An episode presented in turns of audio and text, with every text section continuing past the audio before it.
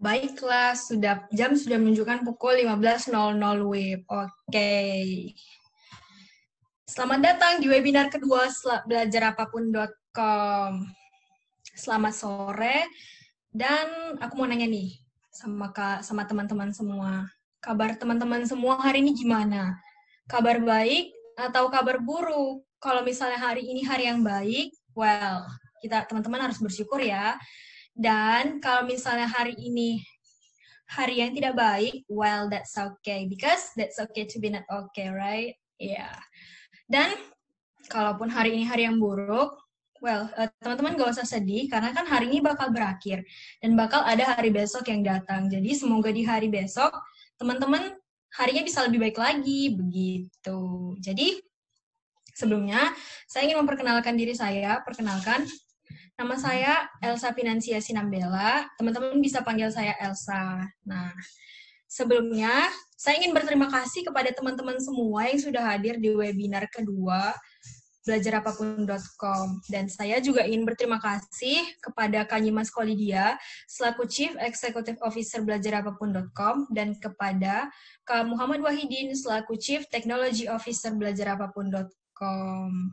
Nah, selain aku mau berterima kasih kepada kalian dan kepada pembicara-pembicara uh, dan kepada chief-chief kita tadi, saya juga ingin berterima kasih kepada pembicara kita pada webinar kali ini tentang komunikasi efektif, sebuah strategi membangun relasi oleh Ibu Tria Patriati Esos MIlkom. Beri tepuk tangan kepada Ibu Tria.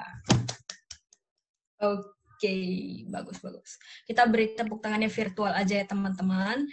Nah, dan juga tak lupa saya ingin mengucapkan terima kasih kepada Nusantara Terdidik dan beasiswa 10.000 yang telah menjadi media partner webinar kami pada hari ini. Terima kasih telah uh, menyebarluaskan uh, acara uh, atau pamflet webinar kedua belajarapapun.com. Oke, okay, ya, jadi kan uh, hari ini Jadi kan hari ini tema webinar kita itu adalah komunikasi dan relasi. Nah, jadi sebelum kita masuk ke materi nih, aku mau nanya nih sama teman-teman. Menurut teman-teman komunikasi yang baik itu gimana sih? Ada yang mau volunteeran, mau menyuarakan pendapatnya? Kita brainstorming dulu deh sebelum kita masuk materi. Hmm, apa ya? Oke, ada yang mau menjawab?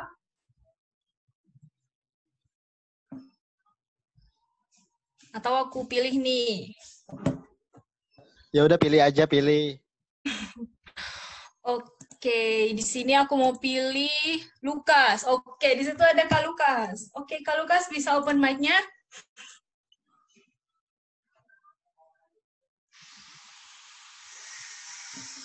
Mungkin sibuk kerja kali, Ibu. Enggak tuh, itu ada Kak Lukasnya kok. Kak Lukas Jan Malik ya. Iya. Oh, ada yang jawab nih, Muhammad Raufan Gus, Gus Rananda. Komunikasi yang baik itu jika pesan dari komunikator tersampaikan dengan baik ke komunikan. Oke, bagus sekali jawabannya ya. Diterima, diterima, diterima. Nah, oke, kita sekarang udah tahu komunikasi yang baik itu bagaimana. Lalu, menurut teman-teman nih, apakah komunikasi secara tatap muka dan tidak tatap muka seperti virtual, kita chat teman kita dari WhatsApp itu sama tuh beda? Dan berikan alasannya. Ayo, ada yang mau volunteer? Ada yang ingin menjawab? Ayo dong kita brainstorming dulu sebelum kita masuk materi.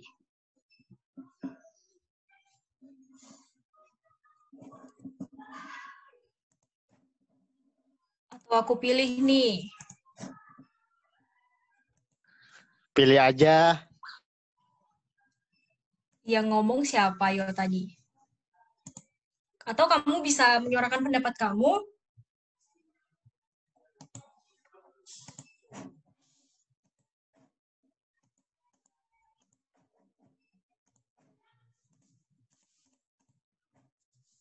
Gak ada nih yang mau jawab. Waduh, bahaya sekali kita yang gak ada yang mau jawab.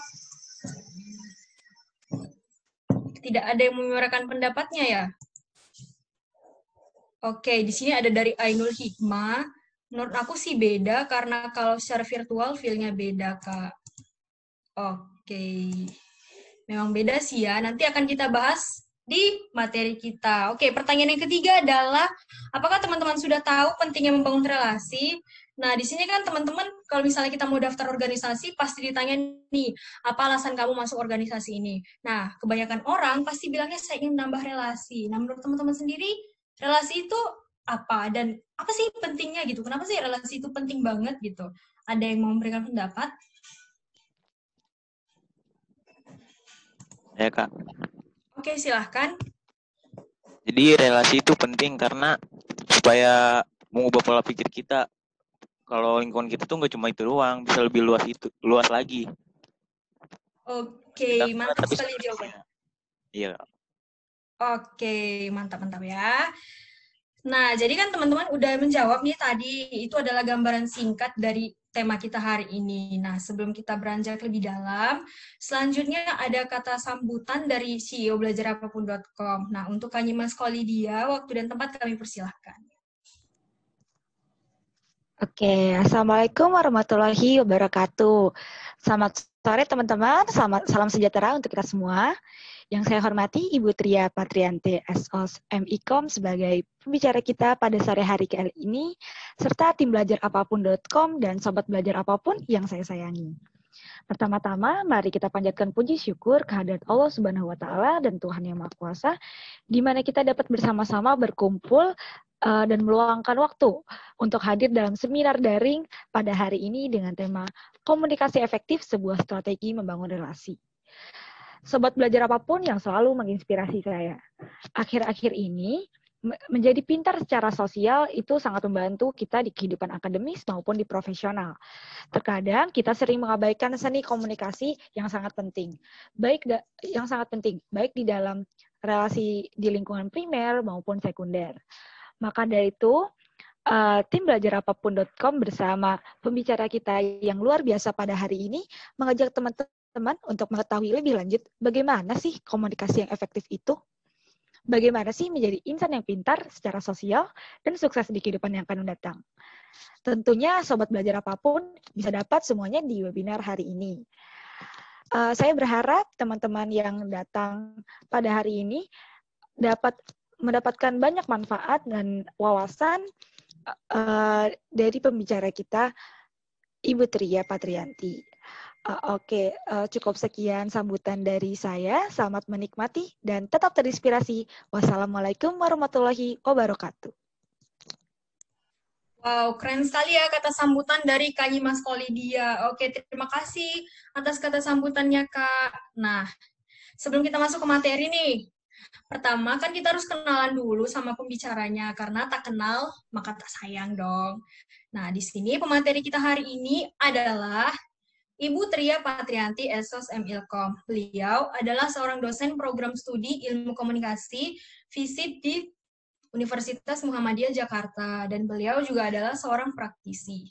Selain itu, beliau juga pernah berpartisipasi menjadi peserta program perhubung pembangunan proyek ASEAN, ASEAN and UNDP di tahun 1998.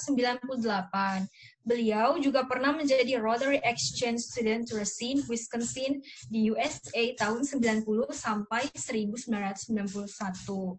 Lalu beliau juga pernah menjadi sekretariat ASEAN di tahun 1998. Wow, keren sekali ya prestasi-prestasi yang sudah Ibu Tria uh, Rai. Nah, semoga kita semua sebagai peserta di sini bisa meniru uh, prestasi Ibu Tria tadi untuk kebaikan masa depan kita. Jadi harus semangat ya teman-teman. Nah, kita udah tahu nih latar belakang pembicara kita hari ini yaitu Ibu Tria. Nah, menelisik dari latar belakang pendidikan Ibu Tria, masalah tentang komunikasi di kehidupan kita sehari-hari akan dikupas tuntas deh pokoknya di pemaparan materi webinar belajar apa pun kedua kita kali ini. Nah, sebelum kita masuk ke materi, aku mau kasih tahu info nih, kalau kita ada door prize. Nah, jadi door prize ini akan dimenangkan oleh empat orang yang beruntung. Tiga di antaranya itu adalah buat teman-teman yang ngeposting snapgram uh, webinar ini dengan ngetag uh, uh, Instagramnya belajarapapun.com dan berikan caption semenarik mungkin. Lalu untuk satu orang pemenang lagi itu akan dimenangkan oleh teman-teman yang memberikan pertanyaan yang paling kreatif dan terbaik. Nah, jadi ada empat orang beruntung yang akan memenangkan door prize dari webinar belajarapapun.com. Aku juga mau info ini, teman-teman juga bisa teman-teman juga bisa jadi penulis lepas dan mengirimkan karyanya ke website belajarapapun.com dengan tag ceritain aja. Nanti di situ akan langsung diarahkan ke email dan teman-teman bisa mengirimkan karya teman-teman ke email tersebut. Nah, teman-teman juga harus pantengin ya uh, websitenya web, uh, belajarapapun.com karena di sana banyak banget informasi seputar pendidikan dan beasiswa dalam dan luar negeri. Jadi teman-teman yang beasiswa hunter atau scholarship hunter itu cocok deh buat pantengin websitenya kita. Oke. Oke, langsung aja ya kita sambut pembicara kita hari ini, Ibu Tria Patrianti. Waktu dan tempat dipersilahkan. Terima kasih Mbak Elsa Finansia Sinamba Sinambala. Oke. Terima kasih. Um, Assalamualaikum warahmatullahi wabarakatuh. Salam sejahtera untuk kita semua, teman-teman. Um, saya bangga banget diundang di acara ini dengan semangat yang sebetulnya saya bisa melihat semangat uh, tim belajar apa pun, juga sobat belajar apa pun dari Mbak Elsa tadi. Ya, Mbak Elsa telah merepresentasikan lembaga ini seperti apa, komunitas ini seperti apa, dan luar biasa sekali. Uh, saya bisa uh, apa namanya mendapat semangat dari teman-teman sebutannya apa ya? Sobat belajar apa pun atau uh, apa, Mbak Elsa? Kalau misalnya atau Mbak Nimas, kakak ya, kakak Nimas. Iya, Ibu. Nah, kalau saya mau sebut uh, sahabat-sahabat di sini apa? Sobat, Sobat belajar. belajar apa pun. Okay. Sobat belajar. Sobat belajar apa pun. Selamat siang. Semoga teman-teman dan sobat belajar apa pun sehat dan selalu berada di dalam lindungan Allah Subhanahu wa taala, Tuhan Maha Pencipta. Uh, sobat uh, belajar apa pun, sebetulnya saya sangat uh, lebih uh, uh, tertantang ya kalau kita bisa lebih banyak diskusi karena uh, di usia uh, saya seperti sobat belajar sekarang, saya betul-betul banyak pengalaman yang bisa mungkin saya share.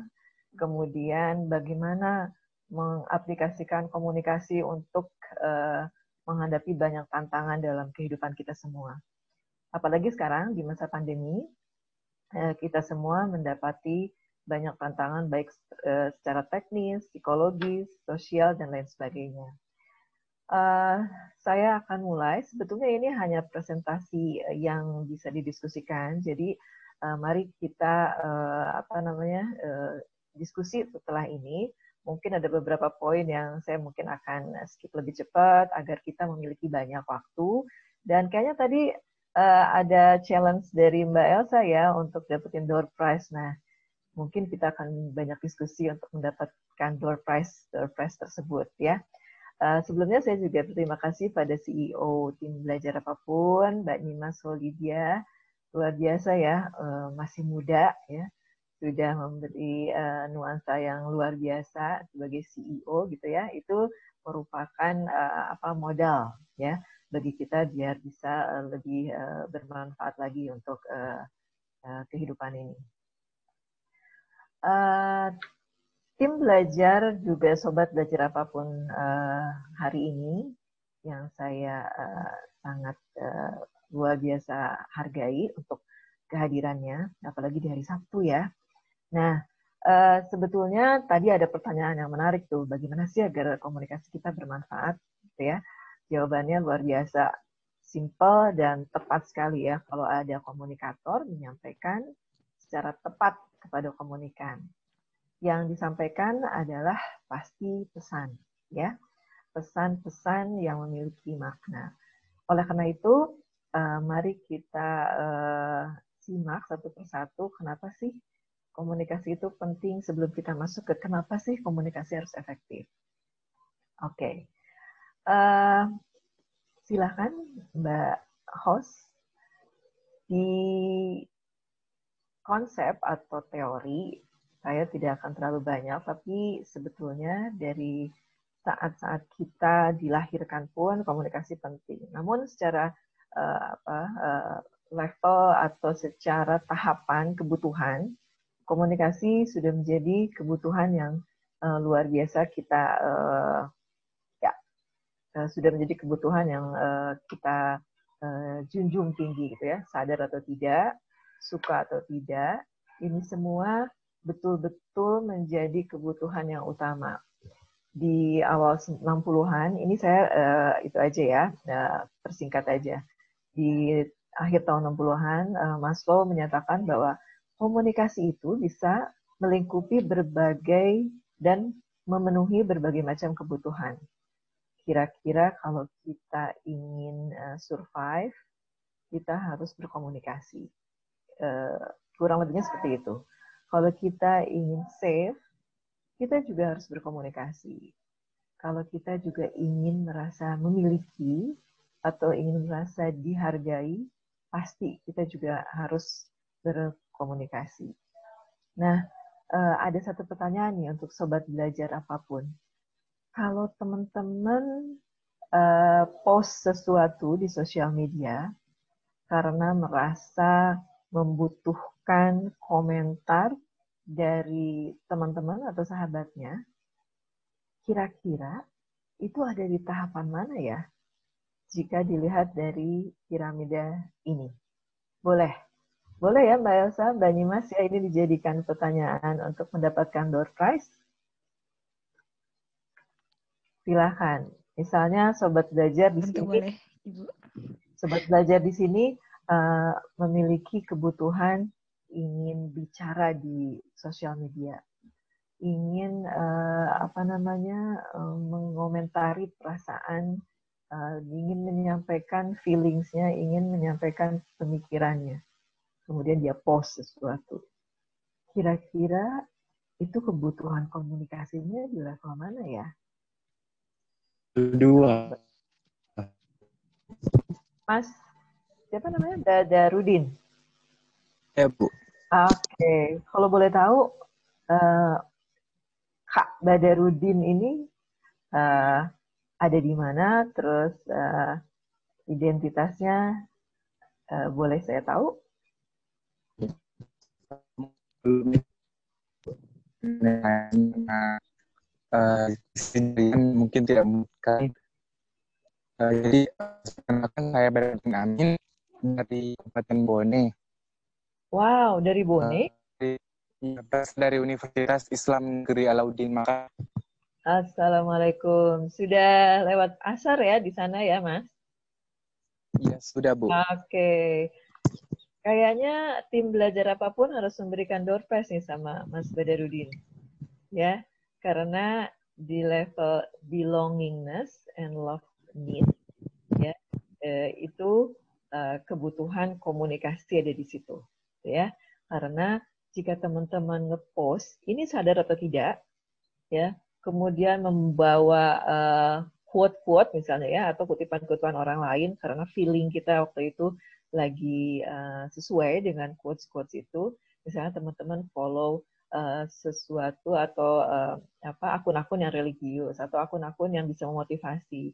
Teman-teman post karena merasa pas dengan perasaan kita, ya. Karena kadang-kadang saya perhatikan mahasiswa-mahasiswa atau teman-teman jika ingin mendiskusikan atau menyatakan sesuatu perasaan, kadang-kadang mereka post dulu sebelum berkomunikasi dengan person atau orang ya jadi betul-betul feeling pikiran perasaan itu sebetulnya kebutuhan kita di level belongingness. Ingin di merasa memiliki atau ingin merasa dihargai atau ya, dicintai gitu ya. Itu kebutuhan komunikasi sebetulnya ya. Nah Kemudian pada level teman-teman ada di sini bersama tim belajar apa pun, setelah dapat share, setelah dapat acara ini, teman-teman memiliki kebutuhan dalam kaitannya komunikasi untuk meningkatkan pengetahuan. Gitu ya. Kira-kira ada di level mana kebutuhan komunikasi yang disesuaikan dengan hierarki Maslow ini. Silahkan panitia aja ya nanti yang bisa mendistribusikan door prize-nya apa gitu ya. Silahkan. Tadi dari Bone ya. Selamat sore uh, Mas Badarudin. Ada lagi mungkin dari Indonesia bagian Barat? Saya izin menjawab. Silakan, Mbak Siti. Kak Siti dari mana? Iya, sebelumnya perkenalkan saya Siti Lutfiana Hasena dari Jakarta, tepatnya okay. Jakarta Pusat. Oke, okay. Jakarta uh, nggak hujan? Iya, alhamdulillah cerah. So, uh, kebetulan saya uh, uh, apa berbicara dari kota Bandung ya. Teman-teman yang berada di Bandung mungkin selamat sore juga. Silahkan Mbak Siti. Kenapa? Ya, menurut saya uh, pengetahuan seperti mengikuti webinar sekarang ini masuk ke dalam self actualization need. Jadi kita butuh mengaktualisasi diri karena uh, dasarnya kita kan nggak tahu nih mengenai relasi. Jadi kita butuh aktualisasi tentang pengetahuan relasi ini seperti itu, Bu. Oke. Okay. Kenapa eh, self actualization needs? Karena Mbak Siti ingin membuka wawasan untuk membuka uh, apa meningkatkan status gitu ya untuk uh, memberikan positioning bahwa kita punya apa namanya posisi atau kedudukan sebagai seorang intelektual misalnya ya. Nah itu di self actualization ini. Tapi bisa juga uh, hadir di webinar ini adalah kebutuhan teman-teman mau berkomunikasi pada level atau kebutuhan kognitif gitu ya. Karena ingin cari pengetahuan, ingin mendapatkan pemahaman, ingin mendapatkan kebaruan. Semoga ada kebaruan ya di uh, apa namanya materi-materi yang teman-teman mungkin rasakan ini sangat penting. Nah, ketika sampai yang paling uh, atas itu self transcendence itu setelah semua kebutuhannya terpenuhi, gitu ya. Bayangkan di level yang paling bawah teman-teman itu di apa membutuhkan uh, level yang basic banget untuk survive ya. Itu kalau teman-teman ketika masih bayi ya waktu itu gimana sih biar survive gitu ya biar bisa hidup ya. Kurang lebihnya seperti itu maka teman-teman berkomunikasi dengan cried out dengan menangis dengan segala macam. Itu komunikasi yang sangat sangat basic untuk survive kemudian safety-nya teman-teman ingin merasa uh, apa namanya nyaman aman kalau sekarang ya mungkin gini uh, novelty-nya seperti ini. Mungkin di uh, luar kota ada atau tidak, uh, nanti bisa di-share ya. Teman-teman sakit nih, ya atau ngerasa ada simptom apa ya, sore-sore begini kok nggak enak badan dan segala macam. Kira-kira untuk komunikasi dengan teknologi, teman-teman akan hubungi siapa? Ini nggak enak ya misalnya. Mbak Nimas atau uh, tim belajar apa pun atau sobat-sobat belajar punya simptom yang nggak enak di tubuh kita, ya teman-teman akan berkomunikasi, tapi melalui media tertentu karena memenuhi kebutuhan safety. Kira-kira yang akan teman-teman konteks siapa? Boleh menjawab atau boleh share? Kalau ada yang nggak enak nih, mendiagnosa diri sendiri, tapi ingin berkomunikasi, kira-kira kebutuhannya teman-teman mau konteks siapa? di era sekarang.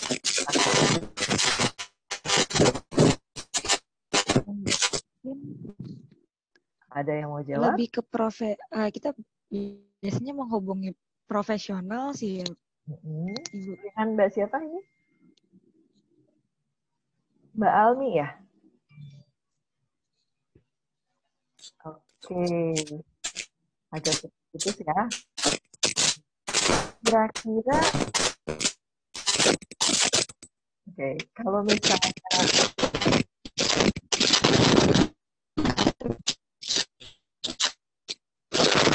apa? Kalau ke profesional, mungkin uh, kita akan mengontak sebuah aplikasi apa? Ada yang tahu? Mungkin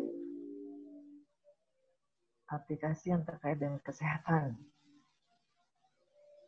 yang tadi disebutkan profesional. Ada yang mau share terkait dengan kebutuhan komunikasi di level safety. Teman-teman ingin secure, ingin comfort, kira-kira profesionalnya di kontak melalui komunikasi langsung kah? Atau melalui mediated communication? Uh. Oke. Okay.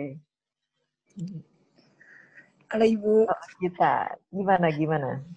Mungkin kalau untuk safety needs eh, banyak aplikasi-aplikasi seperti Halodoc Ya. atau Halodoc gitu. Oke, kalau dikaitkan dengan kebaruan ya, eh, Iya. teknologi komunikasi sekarang, teman-teman kalau ingin safety ya, karena punya teknologi eh, eh, apa eh, handphone yang canggih gitu ya, aplikasi bisa langsung di-download. Nah, di masa ini safety needs itu biasanya teman-teman lakukan dengan memiliki aplikasi kayak Halodoc dan lain sebagainya. Karena teman-teman ingin langsung merasa nyaman, langsung online dan akhirnya punya solusi dari situ gitu ya. Nah, ini sebetulnya eh, cara-cara yang bisa kita kembangkan bahwa ternyata komunikasi dari tahun 60-an sama gitu ya. Hanya tools yang berbeda. Kalau safety needs di tahun 60-an mungkin dulu langsung cari eh, tenaga medis atau siapa pun yang terdekat dengan kita gitu ya eh, di lingkungan sekitar. Tapi karena sekarang sudah semakin canggih, maka teman-teman langsung membuka handphonenya sendiri.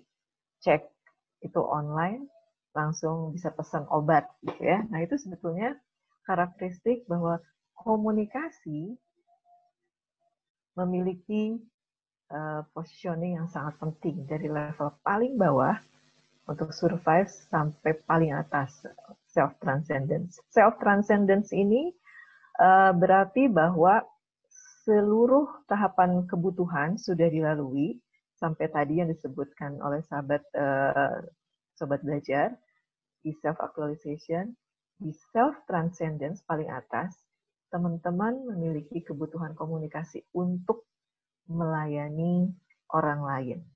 Jadi kalau saya bisa sampaikan, tim belajar uh, apa pun sebetulnya uh, memiliki positioning bahwa ini adalah sebuah komunitas atau sebuah uh, apa media yang bisa melayani teman-teman uh, lain, sobat belajar dari mana pun, dari Bone, dari Aceh, dari luar kota, dari uh, kota Jakarta untuk ber uh, apa namanya kumpul dan memiliki manfaat. Tadi saya sempat uh, simak ada beasiswa dan informasi-informasi uh, tentang pendidikan, ya. Oke, okay. uh, agar tidak salah uh, arah, uh, kita ingin membangun relasi. Tapi kita juga harus paham bahwa komunikasi itu harus didudukkan dalam konsep yang sebenar-benarnya. Jadi secara singkat, komunikasi itu adalah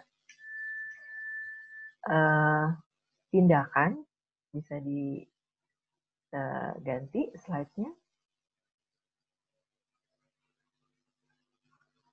Oke, jadi sebetulnya sebelumnya maaf, yang ke iya.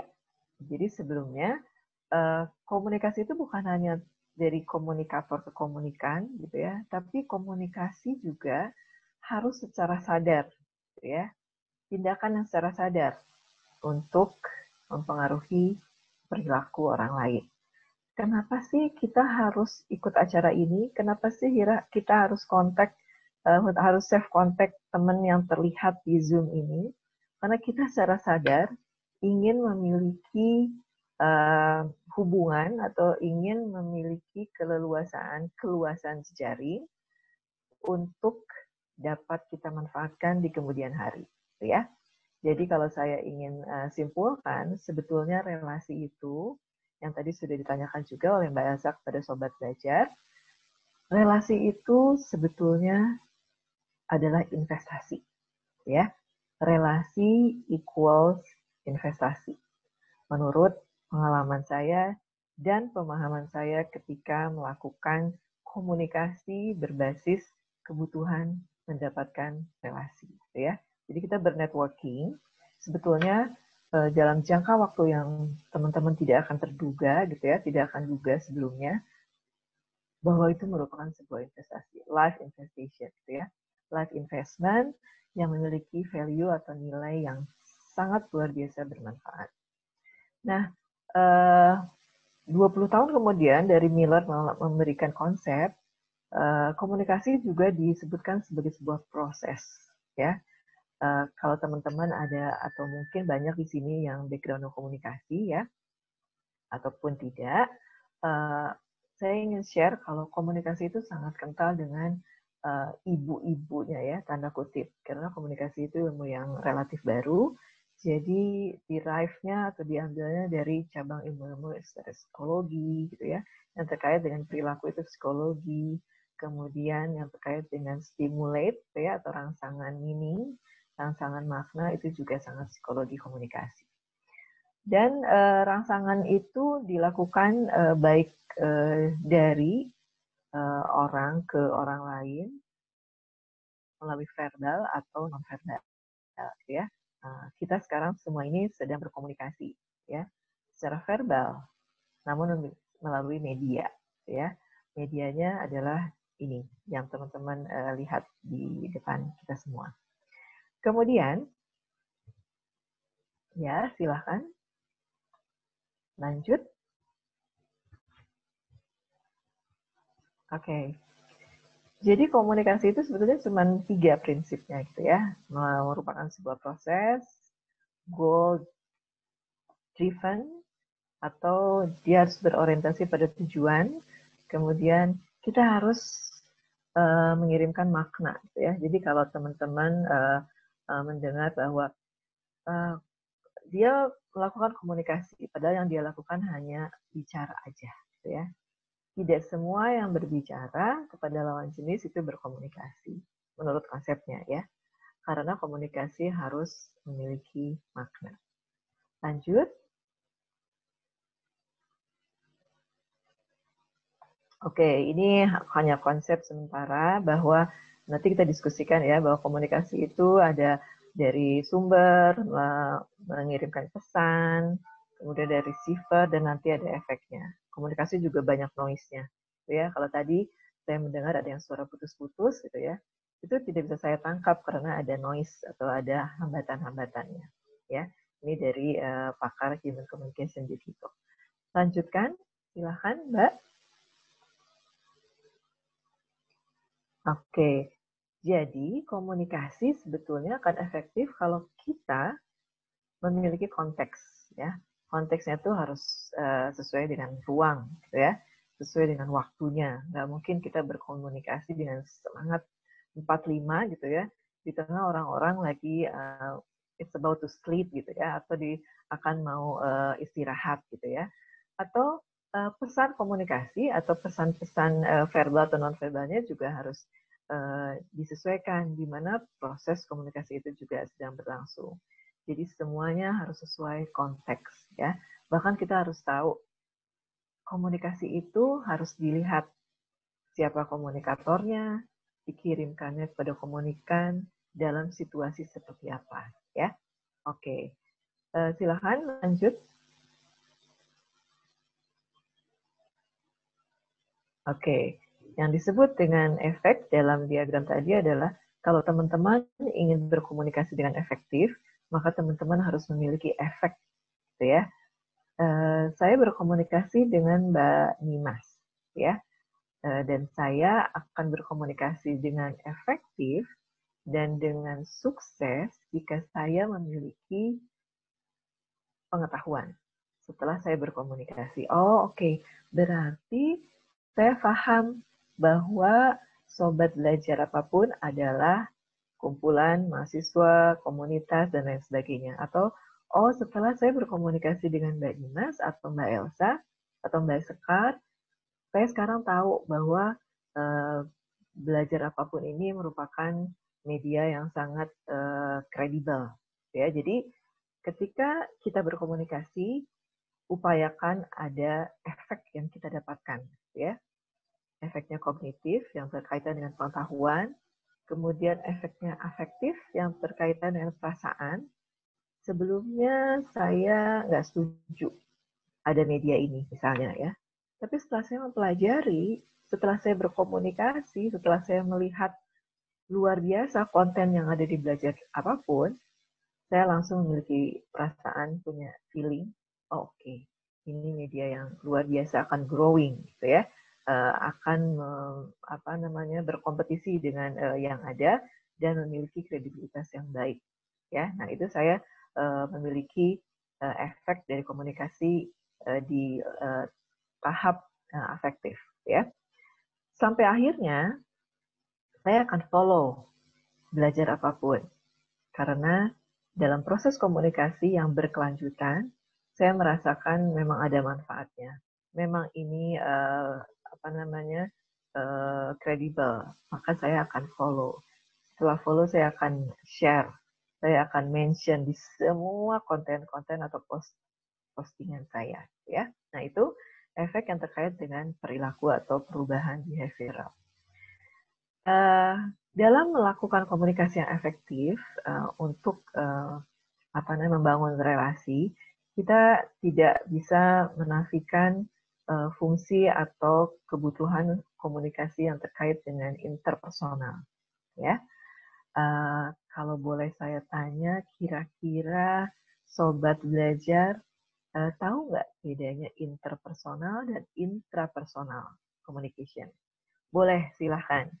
Jangan takut salah, karena pasti akan dapat door prize. Boleh ya, Mbak Elsa ya? Atau Mbak Nimas? Kira-kira... Boleh, Ibu. Ya, kira-kira interpersonal communication dan intrapersonal itu bedanya apa? Dan kalau bisa kasih contoh. Silakan biar kita nggak ngantuk ya ini uh, soalnya jam-jam ngantuk nih gitu ya. Monggo silakan sobat belajar di mana pun berada. Saya boleh kasih pendapat Bu? Oke Mbak Elsa. Mbak Elsa di, di mana ya kalau boleh Saya tahu? di Medan Bu. Wow, Medan. Berarti di barat tadi ada wakil dari timur. Silakan Mbak Elsa. Jadi menurut aku, mm -hmm komunikasi interpersonal itu antara kita dengan orang lain. Bagaimana kita memahami orang lain. Sedangkan komunikasi intrapersonal itu adalah komunikasi dengan diri kita sendiri, yaitu bagaimana kita berbicara dan memahami diri kita. Begitu, Ibu. Oke, contohnya apa tuh kalau intrapersonal? Kalau intrapersonal itu seperti kita mengevaluasi diri kita. Misalnya kita melakukan sebuah kesalahan, lalu kita bertanya pada diri kita sendiri, apa apa yang membuat aku salah ya tadi, di mana ya salahnya gitu.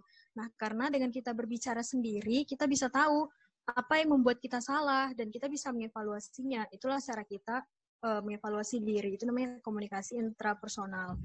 Begitu, Ibu. Wah, terus door prize-nya uh, bakal dikasih nggak ya kalau Mbak Elsa yang jawab?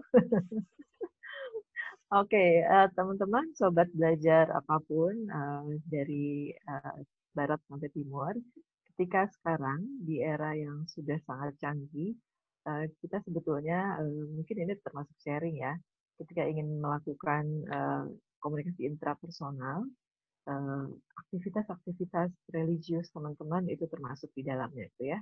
Jika teman-teman akan melakukan ibadah gitu ya ke tempat ibadah teman-teman atau suatu malam ingin merefleksikan sesuatu yang telah dilakukan sepanjang hari, kita uh, berkomunikasi pada diri sendiri. Itu intrapersonal.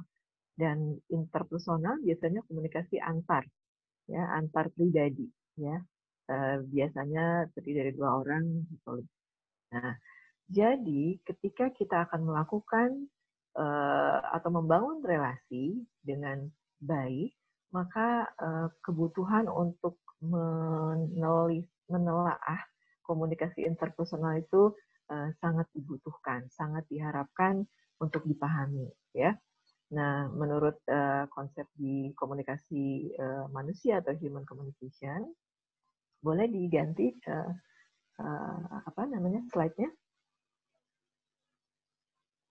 Oke, kemudian ada form, uh, ada bentuk, ada format-format yang harus dipahami bahwa dari sekian banyak uh, bentuk komunikasi, uh, interpersonal ini jika kita apa namanya efektif melakukannya maka akan sukses. Maka jika kita akan kita mengkomunikasikan dengan lawan jenis atau lawan komunikan kita, maka itu juga akan fail gitu ya. Makanya konsep yang harus kita pahami dengan sangat kuat adalah uh, bentuk interpersonal, selain juga mungkin ada di dalam organisasi uh, atau sekarang teman-teman melakukan banyak komunikasi-komunikasi uh, melalui uh, tools atau alat ya computer mediated. Jadi kalau melakukan komunikasi dengan orang lain melalui komputer, apakah itu ada aplikasi ataukah itu melalui akun tertentu, sosial media atau apa pun networking sites ya, uh, itu semua adalah uh, tools yang sebetulnya menjadi penyangga bahwa kita harus memahami untuk berkomunikasi dengan efektif dalam kaitannya membangun relasi. Karena relasi itu seperti yang sudah saya katakan tadi merupakan investasi, ya. Jadi once teman-teman uh, efektif melakukan komunikasi, maka akan sukses membangun relasi. Begitu juga sebaliknya, ya. Oke. Jadi komunikasi yang efektif itu sebetulnya apa sih gitu ya? Sangat sederhana. Dari semua literatur, dari semua pengalaman, dari semua nah, apa namanya eh, konsep yang dipahami dalam uh, komunikasi, komunikasi efektif itu sebetulnya uh, boleh diganti komunikasi yang sangat uh, audience driven ya. Dan slide-nya silahkan. Oke, jadi yang berpusat pada audience. Jadi harus yang eh, melalui tahapan kita goalsnya adalah audience center, gitu ya. Jadi kalau kita ingin berkomunikasi, kita harus merefleksikan bahwa pesan-pesan itu harus sesuai, atau konteks itu harus pas, atau kondisi yang kita akan lakukan komunikasi itu harus uh, tujuannya untuk audiens kita. Ya, jadi kalau teman-teman dalam interpersonal, komunikatornya harus kita kelola untuk menjadi lawan bicara kita yang uh, bisa paham dengan pesan-pesan kita.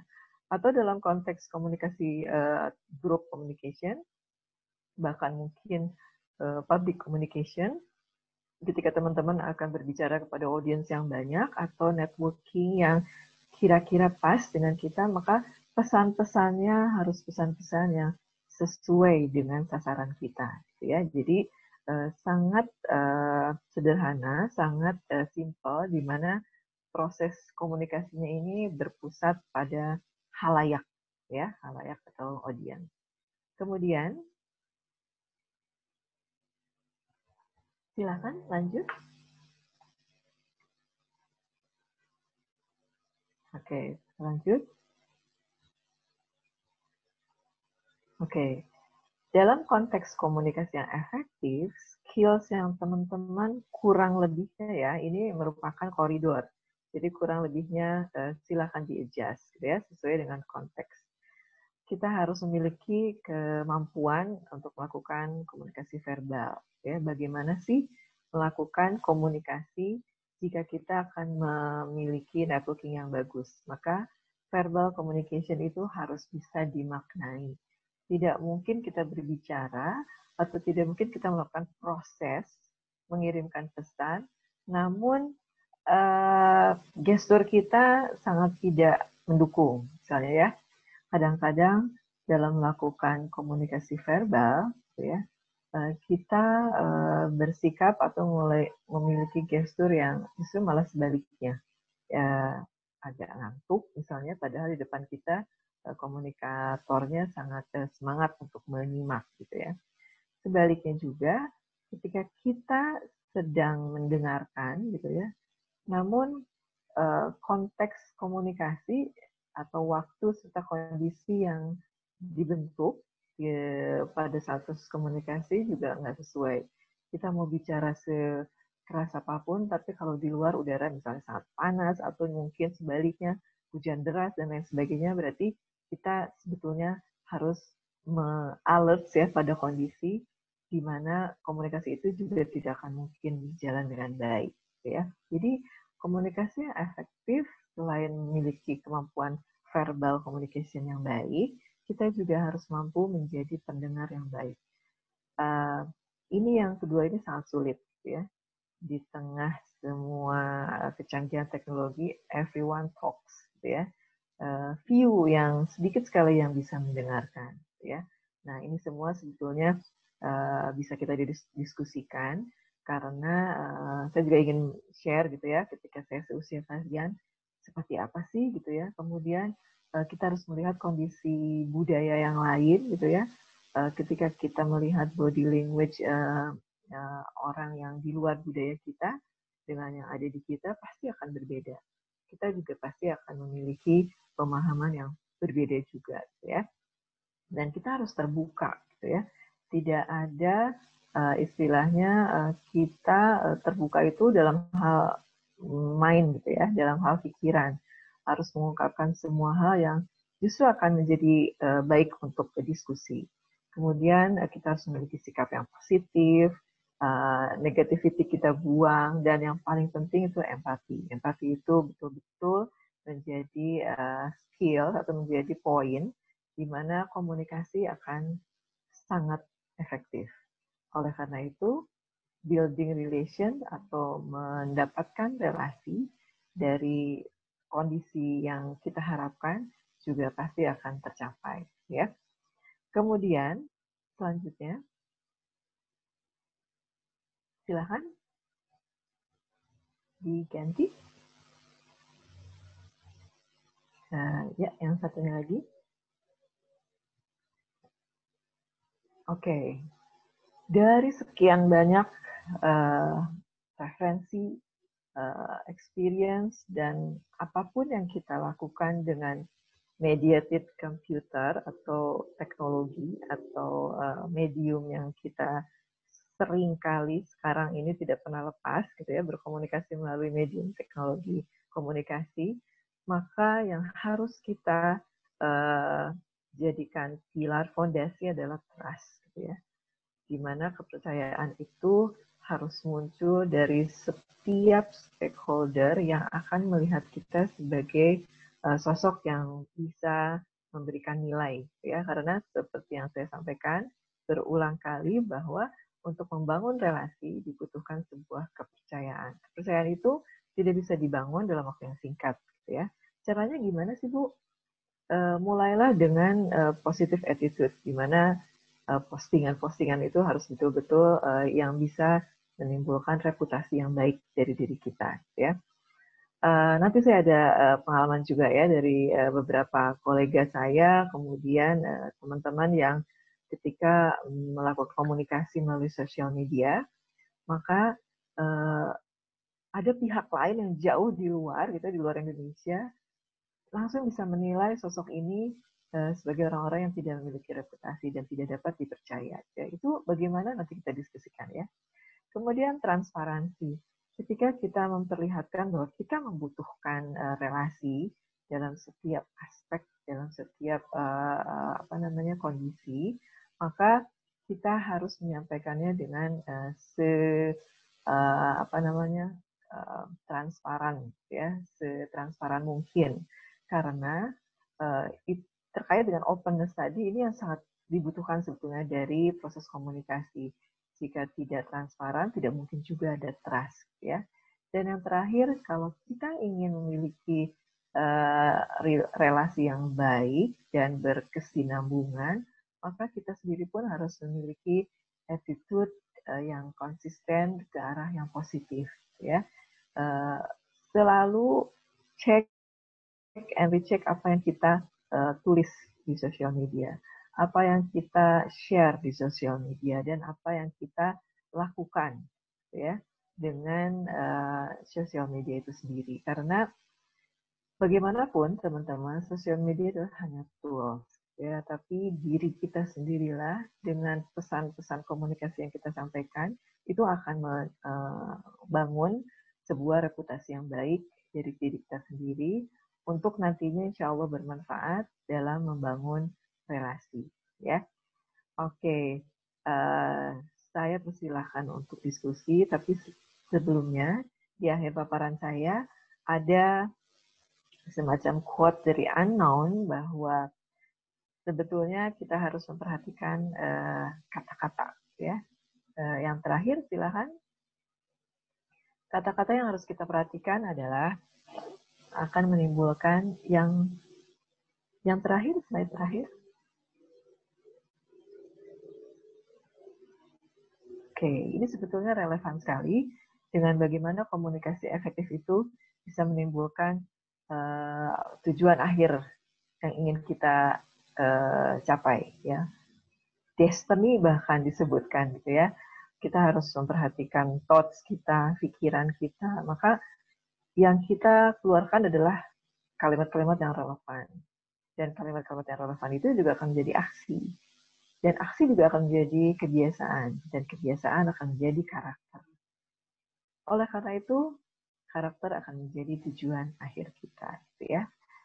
Uh, kurang lebihnya, saya sampaikan mohon maaf. Mari kita berdiskusi teman-teman agar produktif dan saya sampaikan salam sehat untuk semua. Wabillahi taufiq wal hidayah. Wassalamualaikum warahmatullahi wabarakatuh. Silahkan. Wah, keren sekali ya uh, materi yang sudah disampaikan Ibu Tria tadi. Terima kasih Ibu Tria atas materi yang sangat bermanfaat tadi. Oke, sekarang kita masuk ke sesi question and answer atau Q&A. Jadi di sini teman-teman udah ada banyak yang bertanya ya, udah ada beberapa orang. Dan nanti dari antara pertanyaan teman-teman ini akan dipilih uh, satu orang yang akan mendapatkan door prize. Oke. Okay. Jadi uh, sistemnya adalah saya akan memilih salah satu dan teman yang pertanyaannya terpilih boleh open microphone dan menanyakannya langsung kepada Ibu Tria. Oke, jadi di sini saya akan milih pertanyaan dari siapa ya? Dari Kairunisa Effendi. Oke, jadi Kak Kairunisa Effendi boleh open mic-nya.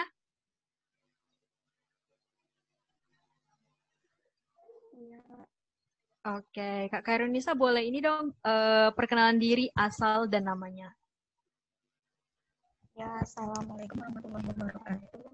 Waalaikumsalam. Ibu, perkenalkan nama saya Kairunisa Effendi dari Sumatera Utara, Bu Medan. Oke, Horas ya. Selamat sore. sore, Ibu. Sore. Jadi, Bu, pertanyaan yang mau saya tanyakan, uh, kan komunikasi itu kan, Bu, uh, dua arah kan antara orang pribadi dengan orang lain. Nah, gimana gitu, Bu, kalau lawan bicara kita itu dia pasif gitu bu. Diem aja apa yang kita bilang dia iya iya gitu. Jadi apa yang harus kita lakukan gitu bu supaya komunikasinya itu ya nggak diem dieman gitu aja bu. Terima kasih. Ya, sama-sama. Mbak Indonesia uh, uh, pelajar atau mahasiswa atau uh, boleh mahasiswa bu. mahasiswa dari? Dari Universitas Pembangunan Pancabudi Medan Oke, sehat-sehat ya Mbak Hairunisa. Terima kasih. Iya, Bu. Ini merupakan pengalaman pribadi atau uh, riset atau apa? Kalau boleh tahu. pengalaman pribadi juga. ya, oke. Okay. Um, iya. Ya, betul. Komunikasi itu harus uh, dilakukan dua arah. Bagaimana jika komunikasi sangat pasif? Uh, sudah dicoba uh, uh, dieksplor gitu ya apa yang uh, dia butuhkan sehingga jangan responnya pasif terus gitu ya. Gimana biar uh, lawan bicara kita juga akhirnya berubah uh, menjadi uh, apa komunikator atau lawan bicara yang sangat aktif. Teman-teman uh, kalau kita lihat uh, hierarki Maslow yang tadi kebutuhan komunikasi yang tadi seperti piramid, ada satu uh, jenjang di mana kebutuhan itu disebut di level safety uh, sampai akhirnya self uh, actualization ya. Karena ternyata orang itu dihargai gitu ya, dipositioningkan memiliki kepercayaan diri, ada kebutuhan self esteem tadi ya nanti di silahkan kalau sudah di download dilihat lagi. Ada kebutuhan self esteem yaitu kebutuhan untuk uh, uh, apa namanya self esteem itu kan percaya diri ya kebutuhan untuk menjadi uh, personal yang uh, percaya diri Nah, itu dibangun sebetulnya dari mulai teman-teman sangat uh, apa hmm, waktu childhood gitu ya masih sangat kecil. Di mana kalau orang tua uh, memberikan pujian gitu ya, pujian itu sangat penting. Uh, wah hebat, terima kasih ya udah membantu saya kalau misalnya ada orang tua uh, di uh, dapur misalnya uh, ibu gitu ya, terima kasih uh, udah membantu cuci piring misalnya gitu ya, itu tuh sebetulnya kalau diungkapkan self esteem itu akan terbentuk dari mulai kecil gitu ya bahwa oh oke okay, ternyata saya memiliki kepercayaan diri bahwa saya berharga. Nah, kenapa saya sok uh, kok uh, apa hmm, balik ke hierarki tadi karena orang yang pasif gitu ya kita juga harus telusuri latar belakang dan kepercayaan dirinya. Mungkin juga dia bukan orang yang tidak tahu, tapi hanya tahu. Cuman ketika pengalaman secara psikologis dari masa kecil gitu ya, dia tidak dibiasakan untuk uh, openness-nya, tidak dibiasakan untuk bisa mengekspresikan uh, sesuatu yang dia rasakan, gitu ya. Uh, saya mau share sedikit ya teman-teman. Di usia teman-teman, uh, saya sebetulnya belum pernah sama sekali uh, apa namanya naik pesawat bayangkan ya usia 17 tahun belum pernah naik pesawat kemudian saya dapat beasiswa untuk menjadi uh, salah satu uh, pelajar di pertukaran pelajar ke Amerika Serikat kemudian saya melihat salah satu keluarga di mana tempat saya itu uh, apa menjadi host family ibunya hanya bicara gini setiap malam ya pada anaknya uh, dan pada suaminya uh, thank you ya for making atau for helping me to prepare dinner. Coba teman-teman kalau di budaya kita sebetulnya kalau teman-teman bantu memang kewajiban ya kan, ya. Dan saya pun mungkin saya punya empat uh, putra putri gitu ya. Saya pun mungkin kalau dia sudah bantu akhirnya saya memberikan small treatment uh, itu sebetulnya uh, small conversation gitu ya, tapi sangat penting terima kasih ya udah ngelapin piring misalnya gitu ya. Itu sesuatu yang berarti sebetulnya. Nah, kebutuhan komunikasi yang sangat kecil itu di level self esteem sebetulnya bisa meningkatkan uh, karakter kita di masa uh, mendatang. Jadi ketika kita sudah dewasa, kita bisa terlihat memiliki kepercayaan diri. Nah, saya nggak uh, tahu kalau Mbak Haranita ini bisa mengeksplorasi uh, temannya tadi apakah memang karakternya tidak percaya diri, kurang bisa melakukan respon gitu ya. Nah, tapi yang pasti dalam psikologi komunikasi itu ada latar belakang dari masa dia tumbuh gitu ya. Tumbuhnya dari mulai fase kecil uh, ke SD, usia SD atau usia uh, junior gitu ya, uh, sampai usia yang di SMA. Gitu. Nah, Terus gimana dong Bu cara terakhir agar dia bisa apa namanya responnya ya beberapa kalimat kayak misalnya ya. Yang harus kita lakukan adalah ya kita harus menggunakan sekarang kan udah canggih ya uh, apa stimulus stimulate ya rangsangan-rangsangan kalimat-kalimat yang kita berikan ya lewat mediated compute ya lewat uh, apa uh, device lewat penggunaan teknologi komunikasi. Misalnya kalau dia tidak bisa langsung merespon, kan ada orang tuh yang biasanya kalau merespon secara face to face kok irit banget ya gitu ya. Tapi kalau dia sudah muncul dengan postingan di sosial media gitu ya, atau dia menulis itu luar biasa gitu ya. Nah, jadi uh, words itu memang bisa kita terjemahkan boleh melalui verbal kan, non verbal dan melalui mediated uh, computer itu ya. Jadi uh, bolehlah Mbak Haranisa merangsang uh, lawan bicara untuk menumpahkan responnya gitu ya pada medium-medium yang bisa membantu dia. Karena kalau tidak, komunikasinya nggak efektif. Karena komunikasi yang efektif itu harus menimbulkan pemahaman yang sama. Setelah pemahaman, akhirnya dia akan sukses menjadi sebuah apa namanya proses yang tujuannya saling bermanfaat bagi kedua belah pihak. Kurang lebihnya sih seperti itu ya, tapi uh, karena saya nggak tahu latar belakang gitu ya dari lawan bicara. Jadi uh, secara konsep bisa di uh, apa namanya dicoba gitu ya dengan menggunakan medium-medium yang pasti dia akan uh, merespon dengan lebih uh, apa namanya percaya diri ya. Uh, kurang lebihnya mungkin seperti itu Mbak Haranisa ya. Salam sehat untuk uh, di Medan sana ya. Baik, Bu, terima kasih. Sama-sama. Ada oh, lagi? Ya. Jawaban Ibu. Lalu uh, setelah dirundingkan lagi, uh, per, uh, penanya yang kedua adalah Anggun Barasa. Oke, okay. Kak Anggun mungkin bisa open mic-nya dan dan menanyakan langsung kepada Ibu Tria. Ayo Mbak Anggun. Baik, terima kasih atas kesempatannya. Oh, Mbak Anggun. Oh, cowok. Maaf ya, kayak cewek. Halo Mas Anggun.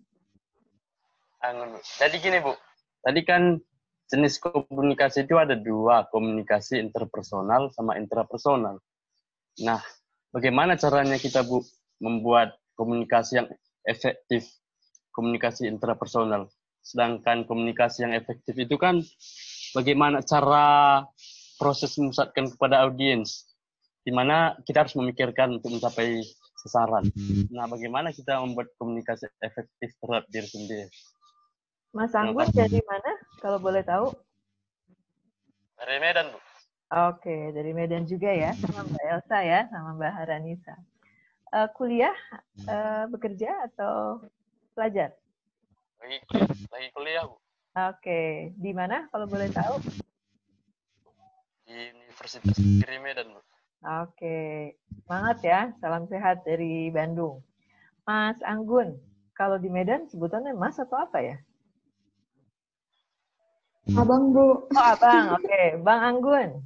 Oke, Bang Anggun. Uh, jenis komunikasi tadi itu didasarkan pada jumlah orang gitu ya. Jadi pembagian komunikasi interpersonal, intrapersonal, group communication, public communication, interviewing, hingga mass communication itu dibagi berdasarkan atau dibuat berdasarkan banyaknya orang yang terlibat. Ya. Jadi, ketika komunitas yang sukses itu kan kalau udah dua orang lebih terus saling memahami, saling mengerti, terus terjadi kesepakatan sampai akhirnya perubahan perilaku. Kalau interpersonal. Tapi kalau intrapersonal suksesnya seperti apa ya Bu biar efektif? Coba saya tanya sama Bang Anggun. Ketika sedang bicara pada diri sendiri, gitu ya, dalam bentuk um, apa ya, uh, pokoknya uh, berintrospeksi gitu ya. Kalau boleh tahu, Bang Anggun uh, dalam melakukan ibadah uh, seperti apa?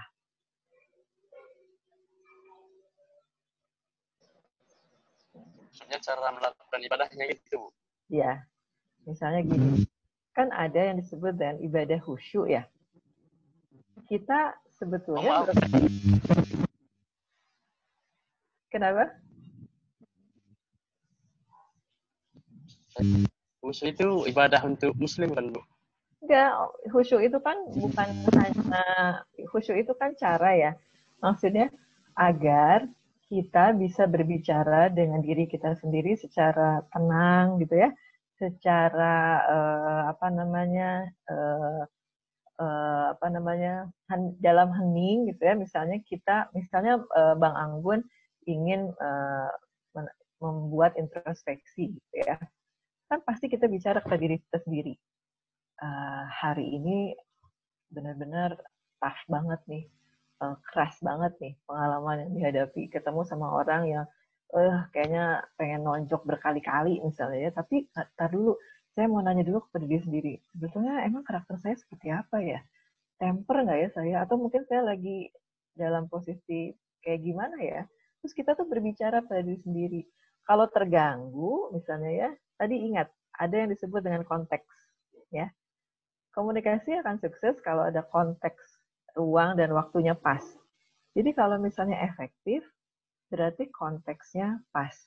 Ketika lagi introspeksi dalam diri sendiri, berkomunikasi, uh, pokoknya nggak ada yang ganggu. Bang Anggun lagi sendiri, nggak ada suara TV, nggak ada adik, kakak, atau siapa pun yang ganggu. Pasti komunikasi akan efektif berjalan.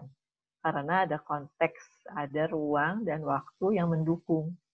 Nah, jadi itu yang saya sampaikan bahwa ketika intra, intra communication, itu berarti dengan diri sendiri pun Bang Anggun bisa berkomunikasi yang efektif.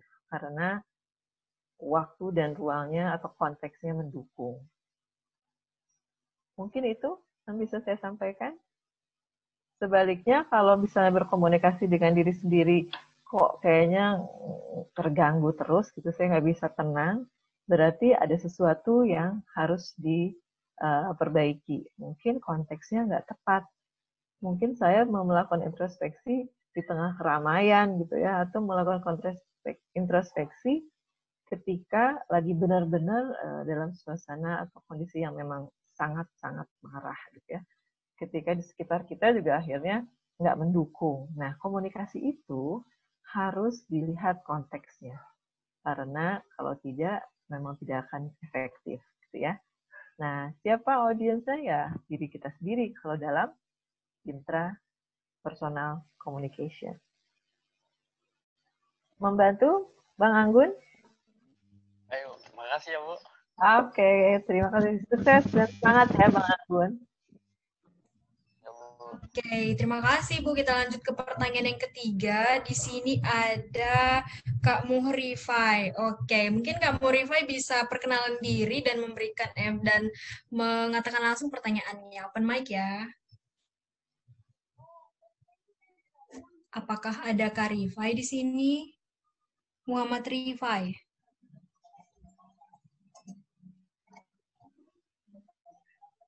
Ah, mungkin karifanya nggak ada. Oke, jadi kita lanjut ke pertanyaan berikutnya aja ya.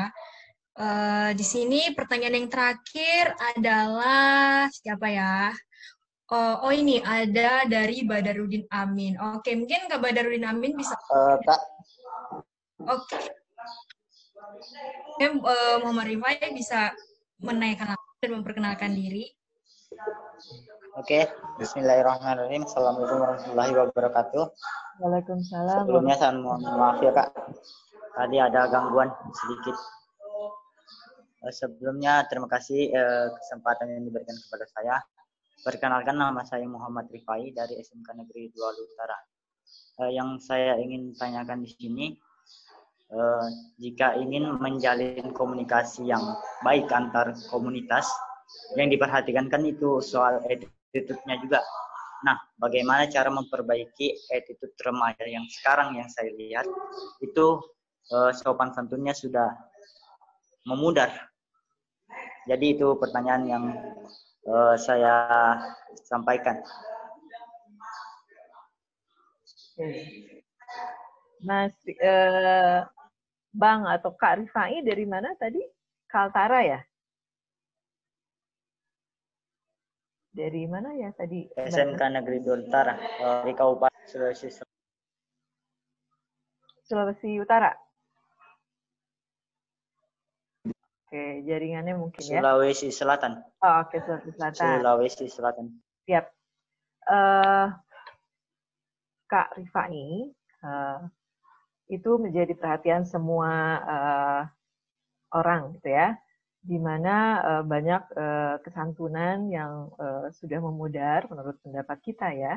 Terus bagaimana kita berkomunikasi di tengah kondisi seperti itu? Dalam konteks komunikasi, dalam konsep komunikasi ada yang disebut dengan komunikasi persuasif, ya. Komunikasi persuasif itu komunikasi yang harusnya membujuk. Bagaimana cara membujuk? Lagi-lagi kita lihat kan komunikasi itu harus melihat audiens ya. Komunikasi yang efektif itu adalah komunikasi yang melihat target sasaran kita seperti apa. Jadi kalau misalnya sekumpulan remaja di mana tadi Kak Rifai mau berkomunikasi mau masuk ke komunitas terus remajanya udah wah menguji kesabaran banget nih sama Kak Rifai ya. Oleh karena itu kita harus melihat dulu ya audiens kita itu seperti apa sih sebetulnya. Nah, kita harus melakukan komunikasi yang persuasif, yang membujuk, yang memiliki uh, apa namanya cara-cara yang tidak sebaliknya. Sebaliknya berarti bukan persuasif tapi komunikasi yang uh, kontrol uh, apa yang hard communication gitu ya. Sebelumnya ketika mau masuk ke komunitas yang karakternya seperti itu, justru kita harus melihat peta dulu. Ya. Peta stakeholder. Jadi jangan sampai kita tidak mengetahui karakter audiens kita. Dan dalam konsep PR ya, public relation atau komunikasi dengan publik, ada cara-cara yang bisa kita lakukan. Pertama, kita harus memiliki kemampuan untuk berjejaring dengan pihak ketiga yang dirasa sangat-sangat uh, kuat dalam komunitas tersebut. Ini pertanyaannya tadi di antara komunitas soalnya ya yang saya tangkap ya remaja atau mau melakukan uh, komunikasi dengan komunitas remaja. Nah, jika kita tidak bisa mengubah perilaku atau sikap, maka kita harus mencari third party. Gitu ya. Third party itu semacam endorser, gitu ya, di mana pesan-pesan yang harus kita titipkan itu disampaikan kepada komunitas pemuda tersebut, gitu ya. Kita harus melihat juga siapa ya di komunitas itu orang yang bisa dipercaya dan bisa dihormati, sehingga pesan-pesan kita sampai, oh ternyata ada tokoh masyarakat di situ. Oh, tokoh masyarakatnya itu juga punya kredibilitas. Dalam konteks komunikasi, kita bisa menitipkan pesan itu, ya, melalui pihak ketiga. Nah, setelah dilakukan, ternyata kita memiliki kesempatan untuk bisa berkomunikasi. Nah, masuklah di eh, apa namanya kondisi di mana pesan-pesan melalui pihak ketiga itu disampaikan. Nah, setelah itu, ketika komunikasi tatap mukanya sudah mulai bisa cair, bisa berhadapan misalnya ya, karena sebelumnya mungkin Mas, uh, Mas Rifai udah nggak mau nih, karena nggak sopan ya, positif attitude-nya udah nggak ada. Nah, setelah masuk, maka komunikasi yang disampaikan harus betul-betul yang satu level, tidak ada gap, tidak ada per, apa perbedaan eh, apa namanya status ya. Karena dia masih eh, SMA misalnya kalau kita mahasiswa maka kita perlakukan ah kamu di bawah saya pokoknya ya seperti itulah ya. Dalam komunikasi kita harus melihat human being gitu ya. Kita harus melihat aspek manusianya yang harus kita hargai. Kalau mereka tidak sopan kita harus tetap menghargai. Karena mereka tidak bisa seperti itu jika tidak ada stimulatnya, tidak ada yang merangsangnya, gitu ya. Jadi apakah itu karena uh, kondisi latar belakang di keluarga, tidak ada yang menjadi role model di keluarga, atau kuatnya pengaruh-pengaruh dari lingkungan sekitar, ya. Nah, oleh karena itu, jika sudah stuck biasanya ya dalam konteks ini dalam konteks uh, perubahan perilaku ya. Jika di komunikasi sudah tidak bisa lagi atau stuck gitu ya kita berkomunikasi secara interpersonal maka bisa dilakukan dengan mencari ya pihak ketiga yang memiliki uh, status atau derajat yang bisa dihormati oleh uh, audiens yang kita harapkan untuk berubah gitu ya. Jadi itu cara-cara sebetulnya secara persuasif atau komunikasi yang sifatnya membujuk ya. Komunikasi yang sifatnya uh, sangat uh, persuasif, sangat uh, apa namanya smooth gitu ya. Untuk uh, uh, berproses dengan uh, audiens atau publik yang kita uh, jadikan sasaran komunikasi. Kurang lebihnya seperti itu, uh, Mas Rifai. Ya, terima kasih banyak, Kak. Sama-sama.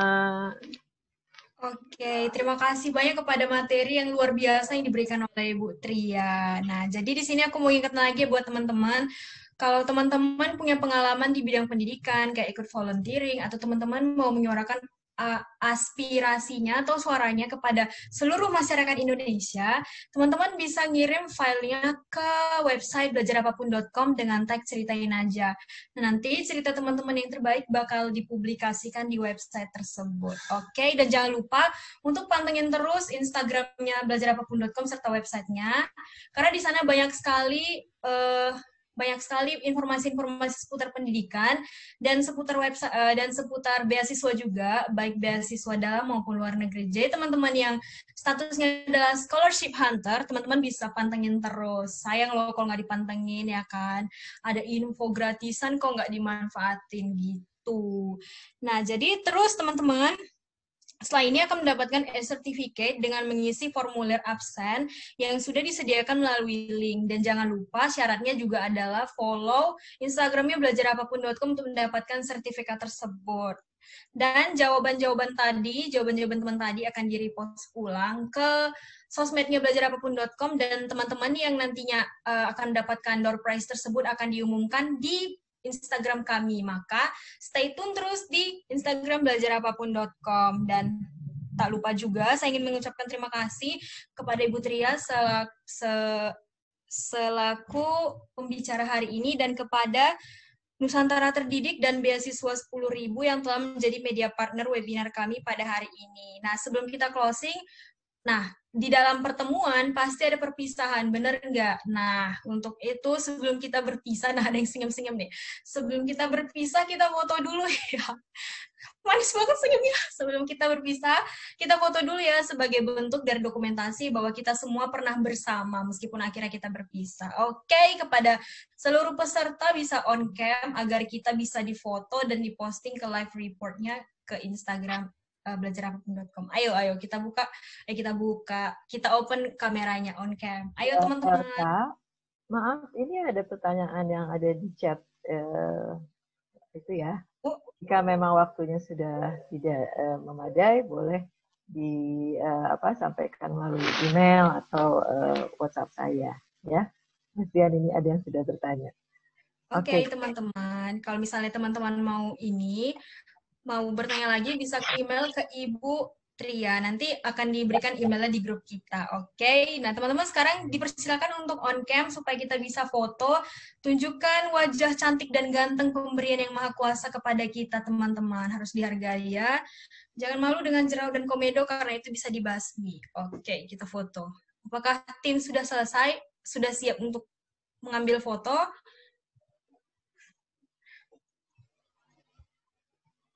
Dikasih aba-aba ya tim fotonya.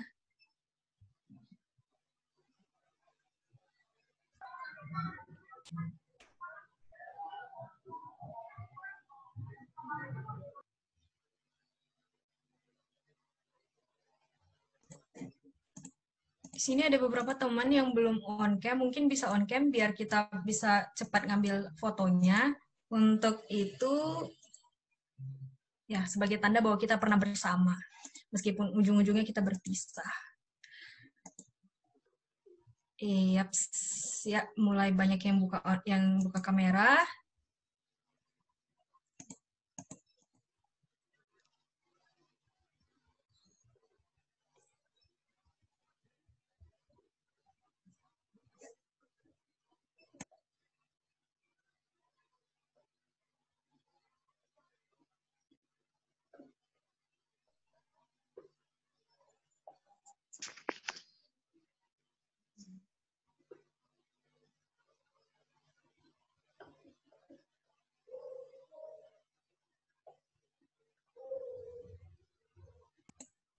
Dokumentasinya bisa kasih aba-aba ya, satu, dua, tiganya, biar teman-temannya bisa senyum terbaik, episode.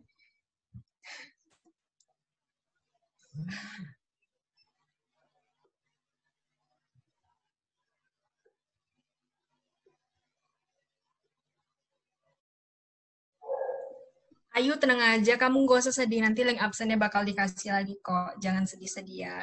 Malam minggu soalnya, nggak boleh sedih. Satu, eh, Els. Ah, Kak Nur. Ya. Siap-siap ya. Siap-siap ya, teman-teman. Satu, dua, tiga. Slide selanjutnya. Satu, dua, tiga. Slide selanjutnya. Satu, belum belum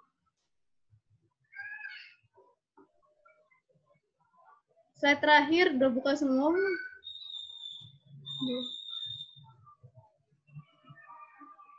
Udah, Kak Elsa udah. Oke, terima kasih kepada teman-teman yang udah mau hadir dan meluangkan waktunya untuk mengikuti webinar kita yang kedua ini. Webinar di sini aja, jangan lupa untuk isi absen dan follow Instagram belajarapapun.com untuk mendapatkan e-certificate. Dan jangan lupa posting dokumentasi kalian ke Instagram Instagram masing-masing dengan tag dan kasih caption semenarik mungkin nanti akan dipilih dan pengumumannya akan dibuat di snapgramnya belajarapapun.com. Oke, okay, stay tune terus di Instagram kami karena di situ banyak sekali informasi buat kalian scholarship hunter. Dan jangan lupa ingin, jika kalian ingin mempublish karya kalian, kalian bisa langsung kirim ke belajarapapun.com di tagnya ceritain aja biar seluruh Indonesia tahu bahwa kalian itu pandai menulis bagi generasi muda. Siapa itu tadi yang ngomong? Ada yang ingin memberikan pendapat? Oke, okay, jadi sekian uh, uh, dari webinar hari ini. Jika saya ada salah, saya mohon maaf. Dan teman-teman, dan terima kasih juga kepada Ibu Ibu Tria selaku pembicara. Terima kasih atas materi yang sangat bermanfaat. Semoga materi ini dapat kita terapkan di kehidupan kita yang akan datang. Kita lebih baik lagi dan lebih baik lagi dalam berkomunikasi, baik secara interpersonal maupun interpersonal. Semoga setelah webinar ini selesai, teman-teman bisa dapat relasi yang luas seperti yang teman-teman inginkan. Amin. Oke. Okay. Setelah teman, jangan lupa isi absen ya teman-teman. Sayang lu udah datang ke isi absen gak dapat e-certificate. Oke, okay. setelah isi absen ya untuk semuanya. Terima kasih juga Ibu sudah meluangkan waktunya. Sama-sama. Ya, Bu. Dan pertanyaan teman-teman yang belum terjawab mungkin nanti bisa dijawab di snapgram kami. Jadi jangan lupa untuk stay tune terus, oke? Okay? Nah, teman-teman yang udah mengisi absen, boleh leave ya. Terima kasih sudah hadir. Terima kasih semuanya. Terima kasih ya. Semangat. Dadah. Salam sehat. Ya, Terima kasih, Bu. Ya. Terima kasih, Bu. Terima kasih. Mbak Dimas, Mbak Elsa, Desri. Ya, terima kasih, Bu. Terima kasih ya. Assalamualaikum warahmatullahi wabarakatuh. Waalaikumsalam warahmatullahi wabarakatuh. Salam sejahtera semua. Saya izin lift ya. Ya, Bu. Ya, Bu. Terima kasih, Bu. Ya, Bu. Terima kasih, Panitia. Ya, terima kasih Sobat Belajar Apa pun. Datang lagi ya ke webinar kita.